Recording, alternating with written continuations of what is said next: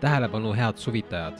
Teie ees on lühikokkuvõte Telegrami uudistest ajavahemikust neljas kuni kümnes juuli kaks tuhat kakskümmend kaks. kas alanud on suur sundvõõrandamine? Hollandis toimuvad tohutud protestid. koroonapettusega alanud suur lähtestamine ehk Great Reset on jõudnud kolmandasse faasi. Hollandis on alanud sundvõõrandamine tuhandeid Hollandi põllumehi on juba nädalaid tänavatele tulnud, blokeerides teid ja jaotuskeskusi protestide põhjuseks on Hollandi valitsuse plaanid drastiliselt vähendada kasvuhoonegaaside hulka kuni üheksakümmend viis protsenti. see tähendaks lõppu umbes kolmekümnele protsendile põllumajandusega tegelevatest väikeettevõtjatest. plaanid näevad ette, et põllumehed loobuvad oma talust vabatahtlikult ja saavad selle eest hüvitist, tingimusel, et nad garanteerivad, et nad ei lähe enam kunagi põllutööle tagasi kui nad sellega ei nõustu, tahab riik talu neilt üle võtta. seal toimuvat nimetatakse kohalikes väljaannetes ka niinimetatud väikeseks kodusõjaks, sest ette on tulnud juba ka relvastatud konflikte. lisaks põllumeestele on tänavatel ka tavainimesed, kes neid toetavad põllumeeste protestid ja blokaadid toimuvad ka Hispaanias. kliimamuutus või mitte, kuid Euroopas on sellest hoolimata jutumärkides kõrvetav suvi lisaks Hollandile protestivad põllumehed ka Hispaanias, nagu näeme Twitterisse postitatud videotest. eriti Hispaania lõunaosas Andaluusias protestivad põllumehed inflatsiooni ning tohutult kallinenud energia ja toiduhindade tõttu.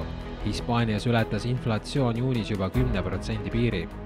Eestis oli inflatsioon juunis aga juba kakskümmend kaks protsenti, aga meie inimesed näivad sellega vaguralt leppivat varsti võetakse ka eestlastelt farmid ära ning ilmselt keegi vastupanu eriti osutama ei hakka.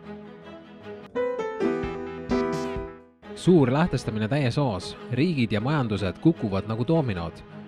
kuigi ülemaailmses majandussurutises süüdistatakse Putinit ja pandeemiat, siis reaalsus on see, et tegelikult oli terve maailm pankrotis juba enne koroonat ja enne Ukraina varisõda, sest maailma majandus on üles ehitatud pettusel põhinevale finantssüsteemile, millesse on paratamatu pankrot sisse kirjutatud.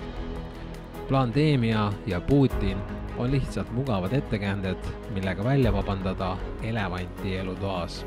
kaks tuhat kakskümmend kaks suve seisuga on Sri Lanka ametlikult pankrotis. Saksamaa liigub energiakatastroofi suunas. Hollandis on alanud sundvõõrandamine Türgis on rekordkõrge inflatsioon ning viimasel ajal on ühel või teisel põhjusel toimunud meeleavaldused veel ka Hispaanias, Indias, Ghanas, Albaanias, Laoses, Sudaanis, Kolumbias ja Venezuelas. Californias küpseb arste ahistav Covid poliitilist korrektsust taotlev seaduseelnõu. California osariigi valitsuses kavandatav seaduseelnõu annab osariigi arstide nõukogule uued ulatuslikud volitused algatada uurimisi arstide suhtes, kelle Covidi raviotsused kalduvad kõrvale rakendatavast ravistandardist, võimaldades bürokraatidel ja poliitikutel sekkuda arstide ja patsientide vahelisse suhetesse, tehakse meditsiinile karuteene. sõnavabadus ja eneseväljendus asendatakse hirmu ning grupimõtlemisega paljud arstid valivad vooluga kaasaminemise tee, et saada hakkama, isegi kui nad ei nõustu reeglitega. see on neile ellujäämise küsimus, et toita ära oma perekond.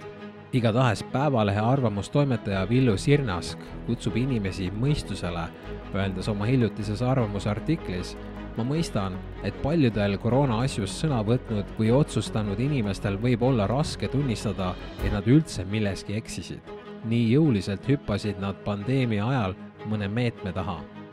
aga usalduse taastamiseks ja ühiskonna uuesti lõhestamise vältimiseks tuleks ka vigu tunnistada ja neist õppida.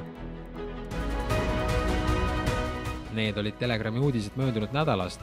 tule kapist välja ka sina, me kõik teame, et see on hauks